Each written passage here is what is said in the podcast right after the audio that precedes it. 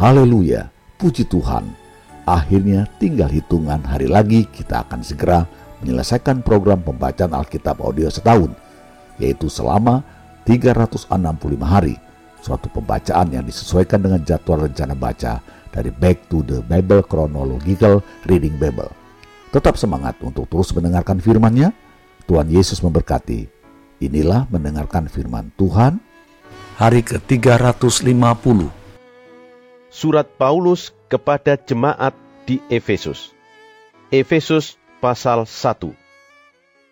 Dari Paulus, Rasul Kristus Yesus oleh kehendak Allah, kepada orang-orang kudus di Efesus, orang-orang percaya dalam Kristus Yesus kasih karunia dan damai sejahtera dari Allah, Bapa kita, dan dari Tuhan Yesus Kristus menyertai kamu.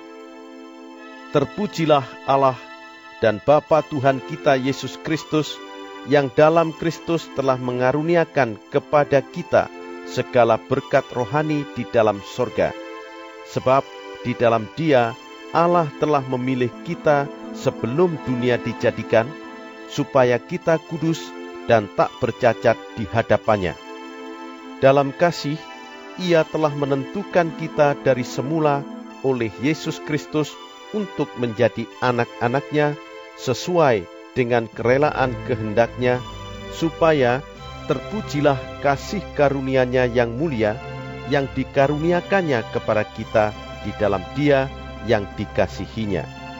Sebab di dalam Dia dan oleh darahnya kita beroleh penebusan, yaitu pengampunan dosa, menurut kekayaan kasih karunia-Nya yang dilimpahkannya kepada kita dalam segala hikmat dan pengertian. Sebab ia telah menyatakan rahasia kehendaknya kepada kita sesuai dengan rencana kerelaannya, yaitu rencana kerelaan yang dari semula telah ditetapkannya di dalam Kristus sebagai persiapan kegenapan waktu untuk mempersatukan di dalam Kristus sebagai kepala segala sesuatu, baik yang di surga maupun yang di bumi. Aku katakan di dalam Kristus, karena di dalam Dialah kami mendapat bagian yang dijanjikan.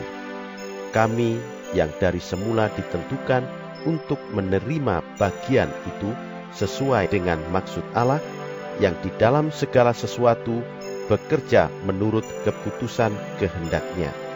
Supaya kami yang sebelumnya telah menaruh harapan pada Kristus boleh menjadi puji-pujian bagi kemuliaannya. Di dalam dia kamu juga, karena kamu telah mendengar firman kebenaran, yaitu Injil keselamatanmu. Di dalam dia kamu juga, ketika kamu percaya, dimeteraikan dengan roh kudus yang dijanjikannya itu. Dan roh kudus itu adalah jaminan bagian kita sampai kita memperoleh seluruhnya, yaitu penebusan yang menjadikan kita milik Allah untuk memuji kemuliaannya. Karena itu, setelah aku mendengar tentang imanmu dalam Tuhan Yesus dan tentang kasihmu terhadap semua orang kudus, aku pun tidak berhenti mengucap syukur karena kamu. Dan aku selalu mengingat kamu dalam doaku dan meminta kepada Allah Tuhan kita Yesus Kristus, yaitu Bapa yang mulia itu, supaya ia memberikan kepadamu roh hikmat dan wahyu untuk mengenal dia dengan benar. Dan supaya ia menjadikan mata hatimu terang, agar kamu mengerti pengharapan apakah yang terkandung dalam panggilannya, betapa kayanya kemuliaan bagian yang ditentukannya bagi orang-orang kudus, dan betapa hebat kuasanya bagi kita yang percaya sesuai dengan kekuatan kuasanya yang dikerjakannya di dalam Kristus dengan membangkitkan dia dari antara orang mati dan mendudukkan dia di sebelah kanannya di sorga jauh lebih tinggi dari segala pemerintah dan penguasa dan kekuasaan dan kerajaan dan tiap-tiap nama yang dapat disebut bukan hanya di dunia ini saja, melainkan juga di dunia yang akan datang. Dan segala sesuatu telah diletakkannya di bawah kaki Kristus, dan dia telah diberikannya kepada jemaat sebagai kepala dari segala yang ada. Jemaat yang adalah tubuhnya, yaitu kepenuhan dia yang memenuhi semua dan segala sesuatu. Efesus pasal 2 Kamu dahulu sudah mati karena pelanggaran-pelanggaran dan dosa-dosamu. Kamu hidup di dalamnya karena kamu mengikuti jalan dunia ini, karena kamu mentaati penguasa kerajaan angkasa, yaitu roh yang sekarang sedang bekerja di antara orang-orang durhaka. Sebenarnya, dahulu kami semua juga terhitung di antara mereka ketika kami hidup di dalam hawa nafsu daging dan menuruti kehendak daging dan pikiran kami yang jahat. Pada dasarnya, kami adalah orang-orang yang harus dimurkai sama seperti mereka yang lain. Tetapi Allah yang kaya dengan rahmat, oleh karena kasihnya yang besar, yang dilimpahkannya kepada kita telah menghidupkan kita bersama-sama dengan Kristus, sekalipun kita telah mati oleh kesalahan-kesalahan kita. Oleh kasih karunia, kamu diselamatkan. Dan di dalam Kristus Yesus, Ia telah membangkitkan kita juga dan memberikan tempat bersama-sama dengan Dia di surga, supaya pada masa yang akan datang, Ia menunjukkan kepada kita kekayaan kasih karunia-Nya yang melimpah-limpah sesuai dengan kebaikannya terhadap kita dalam Kristus Yesus. Sebab karena kasih karunia, kamu diselamatkan oleh iman. Itu bukan hasil usahamu, tetapi pemberian Allah. Itu bukan hasil pekerjaanmu. Jangan ada orang yang memegahkan diri. Karena kita ini buatan Allah, diciptakan dalam Kristus Yesus untuk melakukan pekerjaan baik yang dipersiapkan Allah sebelumnya. Ia mau supaya kita hidup di dalamnya. Karena itu ingatlah bahwa dahulu kamu sebagai orang-orang bukan Yahudi menurut daging yang disebut orang-orang tak bersunat oleh mereka yang menamakan dirinya sunat, yaitu sunat lahiriah yang dikerjakan oleh tangan manusia, bahwa waktu itu kamu tanpa Kristus, tidak termasuk kewargaan Israel, dan tidak mendapat bagian dalam ketentuan-ketentuan yang dijanjikan, tanpa pengharapan dan tanpa Allah di dalam dunia. Tetapi sekarang, di dalam Kristus Yesus, kamu yang dahulu jauh sudah menjadi dekat oleh darah Kristus. Karena dialah damai sejahtera kita yang telah mempersatukan kedua pihak dan yang telah merubuhkan tembok pemisah, yaitu perseteruan, sebab dengan matinya sebagai manusia, ia telah membatalkan hukum Taurat dengan segala perintah dan ketentuannya untuk menciptakan keduanya menjadi satu manusia baru di dalam dirinya, dan dengan itu mengadakan damai sejahtera dan untuk memperdamaikan keduanya di dalam satu tubuh dengan Allah oleh salib dengan melenyapkan perseteruan pada salib itu. Ia datang dan memberitakan damai sejahtera kepada kamu yang jauh dan damai sejahtera kepada mereka yang dekat. Karena oleh dia kita kedua pihak dalam satu roh beroleh jalan masuk kepada Bapa. Demikianlah, kamu bukan lagi orang asing dan pendatang, melainkan kawan sewarga dari orang-orang kudus dan anggota-anggota keluarga Allah yang dibangun di atas dasar para rasul dan para nabi dengan Kristus Yesus sebagai batu penjuru. Di dalam dia tumbuh seluruh bangunan, rapih tersusun menjadi bait Allah yang kudus di dalam Tuhan. Di dalam Dia, kamu juga turut dibangunkan menjadi tempat kediaman Allah di dalam Roh. Efesus pasal 3 Itulah sebabnya aku ini, Paulus, orang yang dipenjarakan karena Kristus Yesus untuk kamu orang-orang yang tidak mengenal Allah, memang kamu telah mendengar tentang tugas penyelenggaraan kasih karunia Allah yang dipercayakan kepadaku karena kamu, yaitu bagaimana rahasianya dinyatakan kepadaku dengan wahyu, seperti yang telah kutulis di atas dengan singkat. Apabila kamu membacanya, kamu dapat mengetahui daripadanya pengertianku akan rahasia Kristus yang pada zaman angkatan-angkatan dahulu tidak diberitakan kepada anak-anak manusia, tetapi yang sekarang dinyatakan di dalam roh kepada rasul-rasul dan nabi-nabinya yang kudus, yaitu bahwa orang-orang bukan Yahudi karena berita Injil turut menjadi ahli-ahli waris dan anggota-anggota tubuh dan peserta dalam janji yang diberikan dalam Kristus Yesus.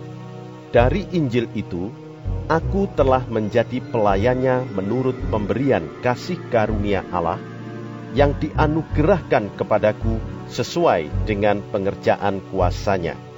Kepadaku, yang paling hina di antara segala orang kudus, telah dianugerahkan kasih karunia ini untuk memberitakan kepada orang-orang bukan Yahudi kekayaan Kristus yang tidak terduga itu dan untuk menyatakan apa isinya tugas penyelenggaraan rahasia yang telah berabad-abad tersembunyi dalam Allah yang menciptakan segala sesuatu supaya sekarang oleh jemaat diberitahukan berbagai ragam hikmat Allah kepada pemerintah-pemerintah dan penguasa-penguasa di sorga sesuai dengan maksud abadi yang telah dilaksanakannya dalam Kristus Yesus Tuhan kita.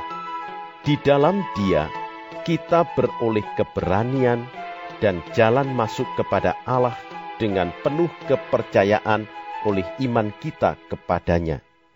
Sebab itu, aku minta kepadamu supaya kamu jangan tawar hati melihat kesesakanku karena kamu, karena kesesakanku itu adalah kemuliaanmu. Itulah sebabnya aku sujud kepada Bapa, yang daripadanya semua turunan yang di dalam sorga dan di atas bumi menerima namanya. Aku berdoa supaya ia, menurut kekayaan kemuliaannya, menguatkan dan meneguhkan kamu oleh rohnya di dalam batinmu, sehingga oleh imanmu, Kristus diam di dalam hatimu, dan kamu berakar serta berdasar di dalam kasih.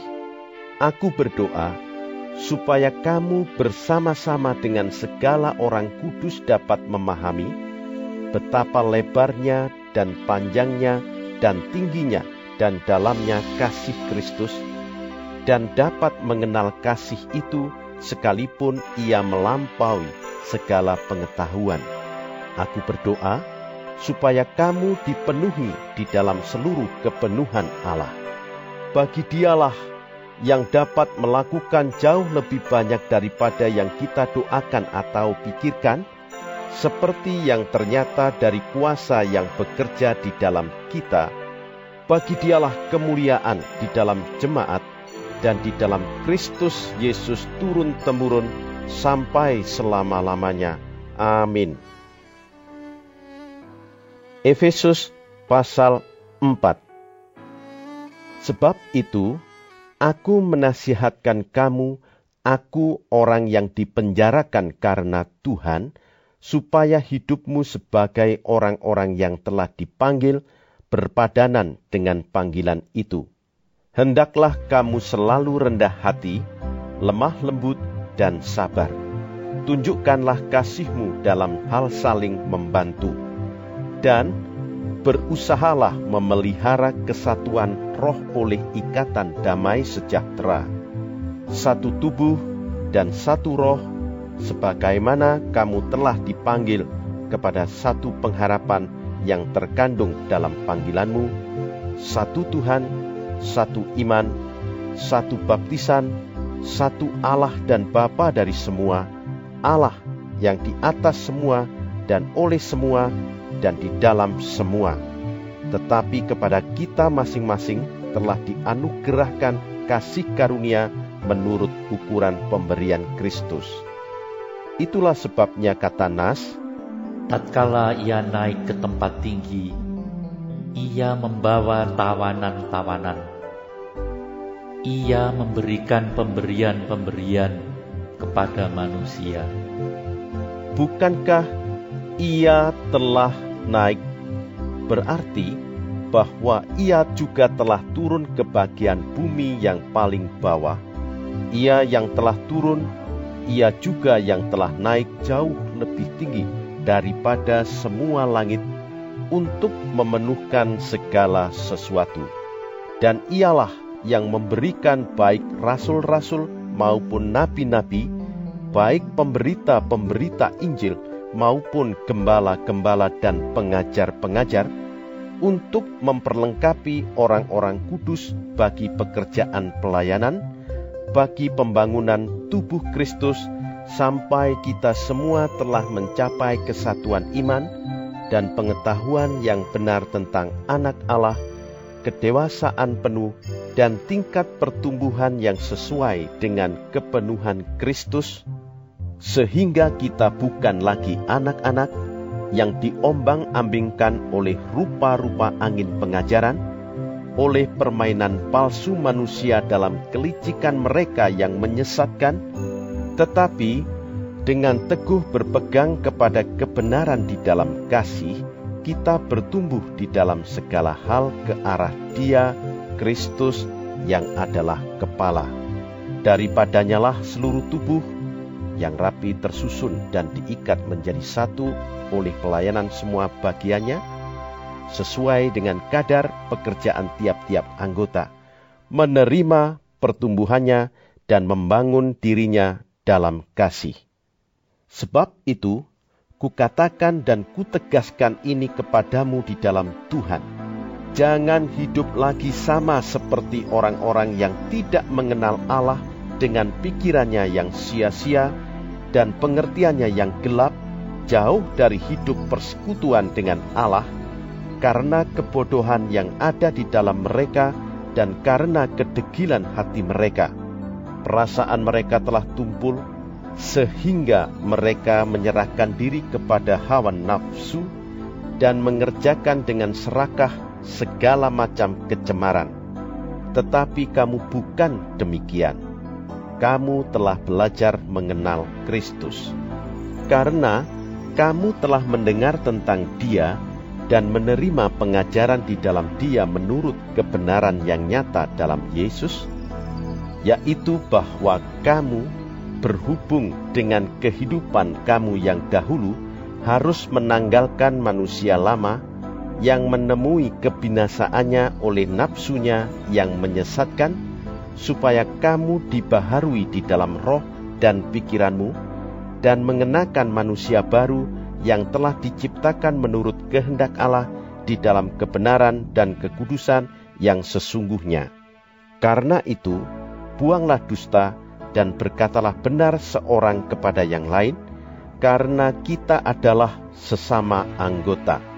Apabila kamu menjadi marah, janganlah kamu berbuat dosa. Janganlah matahari terbenam sebelum padam amarahmu, dan janganlah beri kesempatan kepada iblis. Orang yang mencuri, janganlah ia mencuri lagi, tetapi baiklah ia bekerja keras dan melakukan pekerjaan yang baik dengan tangannya sendiri, supaya ia dapat membagikan sesuatu kepada orang yang berkekurangan. Janganlah ada perkataan kotor keluar dari mulutmu, tetapi pakailah perkataan yang baik untuk membangun di mana perlu, supaya mereka yang mendengarnya beroleh kasih karunia. Dan janganlah kamu mendukakan Roh Kudus Allah yang telah memeteraikan kamu menjelang hari penyelamatan. Segala kepahitan, kegeraman, kemarahan, pertikaian, dan fitnah hendaklah dibuang dari antara kamu. Demikian pula segala kejahatan. Tetapi hendaklah kamu ramah seorang terhadap yang lain, penuh kasih mesra dan saling mengampuni, sebagaimana Allah di dalam Kristus telah mengampuni kamu. Efesus pasal 5 Sebab itu, jadilah penurut-penurut Allah, seperti anak-anak yang kekasih, dan hiduplah di dalam kasih, sebagaimana Kristus Yesus juga telah mengasihi kamu, dan telah menyerahkan dirinya untuk kita sebagai persembahan dan korban yang harum bagi Allah. Tetapi, percabulan dan rupa-rupa kecemaran atau keserakahan disebut saja pun jangan di antara kamu, sebagaimana sepatutnya bagi orang-orang kudus. Demikian juga perkataan yang kotor, yang kosong, atau yang sembrono, karena hal-hal ini tidak pantas. Tetapi sebaliknya, ucapkanlah syukur, karena ingatlah ini baik-baik: tidak ada orang sundal, orang cemar, atau orang serakah, artinya penyembah berhala yang mendapat bagian di dalam kerajaan Kristus dan Allah. Janganlah kamu disesatkan orang dengan kata-kata yang hampa, karena hal-hal yang demikian mendatangkan murka Allah atas orang-orang durhaka. Sebab itu, janganlah kamu berkawan dengan mereka. Memang dahulu kamu adalah kegelapan, tetapi sekarang kamu adalah terang di dalam Tuhan. Sebab itu, hiduplah sebagai anak-anak terang, karena terang hanya berbuahkan kebaikan dan keadilan dan kebenaran, dan ujilah apa yang berkenan kepada Tuhan. Janganlah turut mengambil bagian dalam perbuatan-perbuatan kegelapan yang tidak berbuahkan apa-apa, tetapi sebaliknya telanjangilah perbuatan-perbuatan itu. Sebab menyebutkan saja pun apa yang dibuat oleh mereka di tempat-tempat yang tersembunyi telah memalukan. Tetapi segala sesuatu yang sudah ditelanjangi oleh terang itu menjadi nampak, sebab semua yang nampak adalah terang. Itulah sebabnya dikatakan, Bangunlah, hai kamu yang tidur, dan bangkitlah dari antara orang mati dan Kristus akan bercahaya atas kamu. Karena itu, perhatikanlah dengan saksama bagaimana kamu hidup, janganlah seperti orang bebal, tetapi seperti orang arif, dan pergunakanlah waktu yang ada, karena hari-hari ini adalah jahat. Sebab itu, janganlah kamu bodoh, tetapi usahakanlah supaya kamu mengerti kehendak Tuhan, dan janganlah kamu mabuk oleh anggur, karena anggur menimbulkan hawa nafsu, tetapi hendaklah kamu penuh dengan roh, dan berkata-katalah seorang kepada yang lain dalam Mazmur, kidung puji-pujian dan nyanyian rohani. Bernyanyi dan bersoraklah bagi Tuhan dengan segenap hati ucaplah syukur senantiasa atas segala sesuatu dalam nama Tuhan kita Yesus Kristus kepada Allah dan Bapa kita, dan rendahkanlah dirimu seorang kepada yang lain di dalam takut akan Kristus.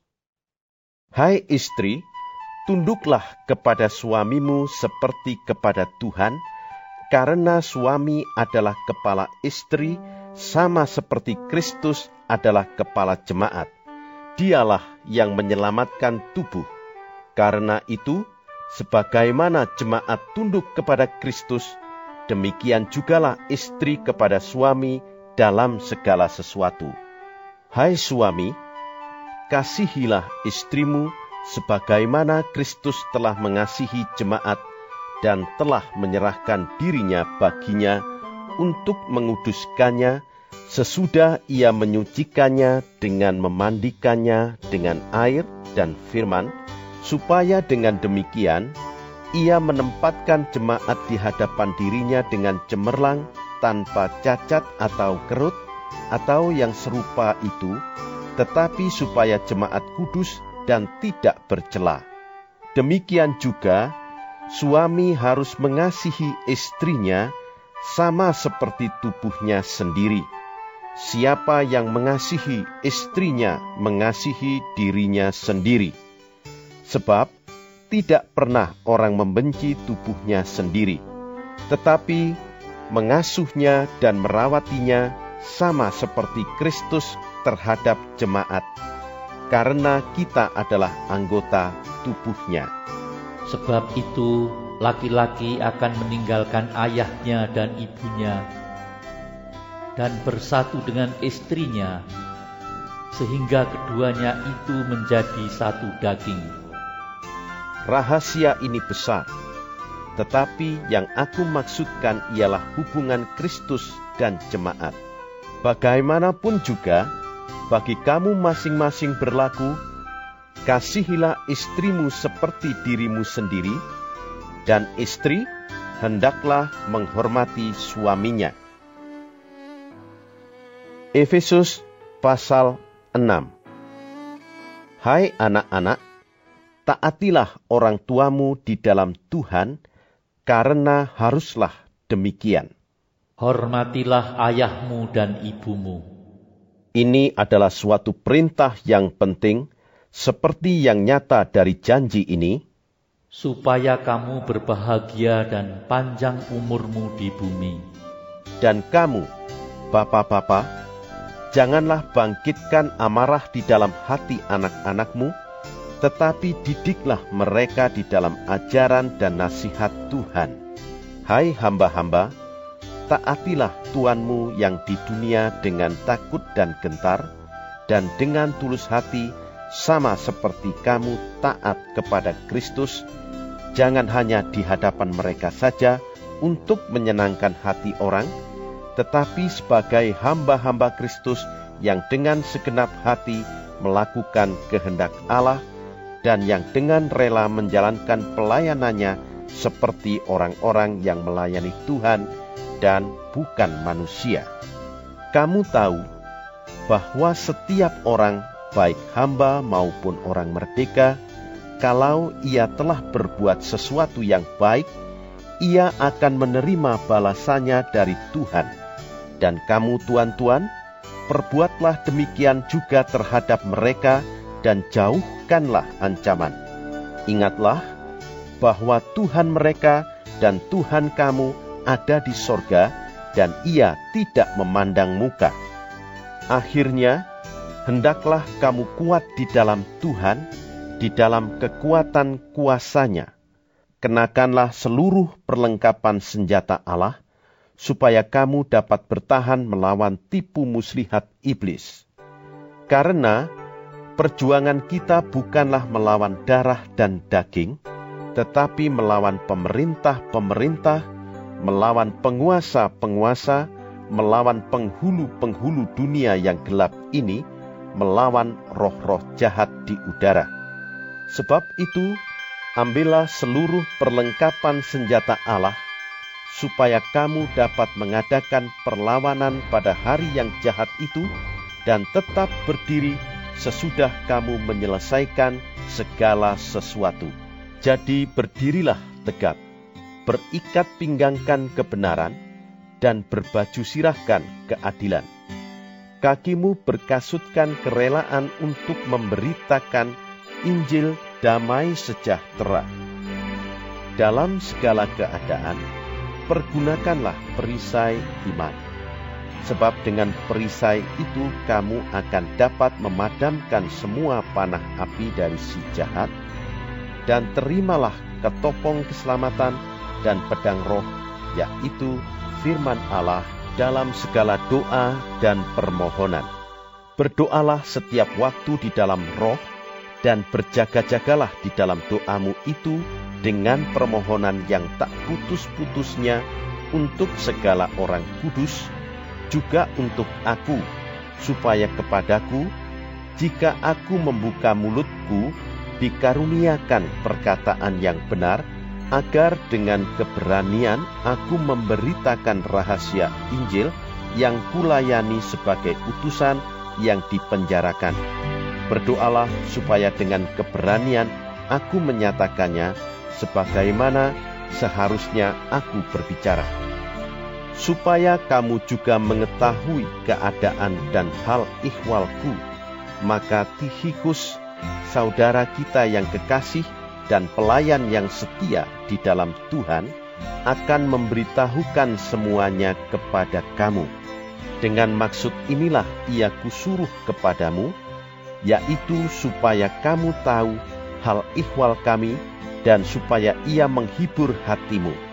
Damai sejahtera dan kasih dengan iman dari Allah Bapa dan dari Tuhan Yesus Kristus menyertai sekalian saudara kasih karunia menyertai semua orang yang mengasihi Tuhan kita Yesus Kristus dengan kasih yang tidak binasa.